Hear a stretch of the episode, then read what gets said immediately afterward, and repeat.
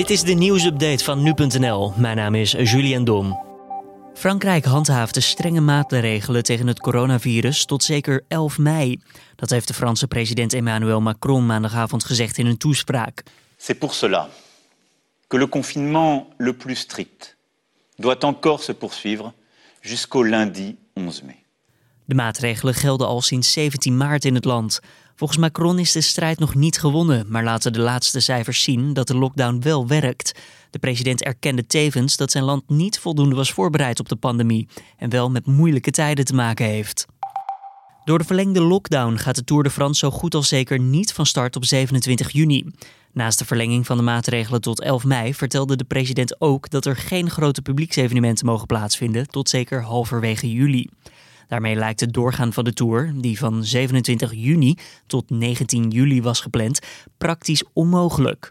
Mede omdat tourbaas Christian Prudhomme eerder benadrukte dat een koers zonder publiek, voor zover dat al zou kunnen, voor hem geen optie is. Wat er met de Tour zal gebeuren is nog niet duidelijk. De organisatie heeft nog niet gereageerd op de toespraak van Macron. Kajsa Ollengren keert vandaag terug als minister van Binnenlandse Zaken.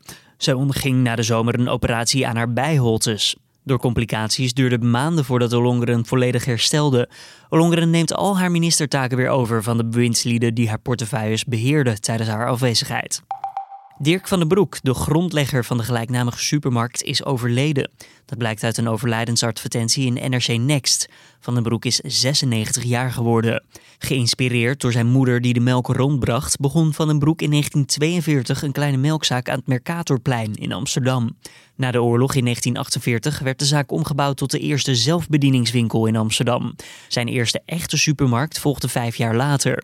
Inmiddels is het Dirk van den Broek-concern, dat nog altijd een familiebedrijf is, uitgegroeid tot 124 vestigingen, vooral gevestigd in de Randstad. De Amerikaanse democraat Bernie Sanders heeft zijn steun uitgesproken voor zijn voormalige tegenstander Joe Biden. Sanders plaatste maandagavond een videobericht op social media waarin hij alle Amerikanen opriep Biden te steunen in zijn strijd tegen president Donald Trump. So today I am asking all Americans, I'm asking every Democrat, I'm asking every independent, I'm asking a lot of Republicans to come together in this campaign to support your candidacy, which I endorse.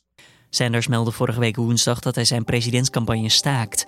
Het staat daarmee vrijwel vast dat Joe Biden het als democratische kandidaat zal opnemen tegen de zittende Amerikaanse president Donald Trump. En dit was dan weer de nieuwsupdate.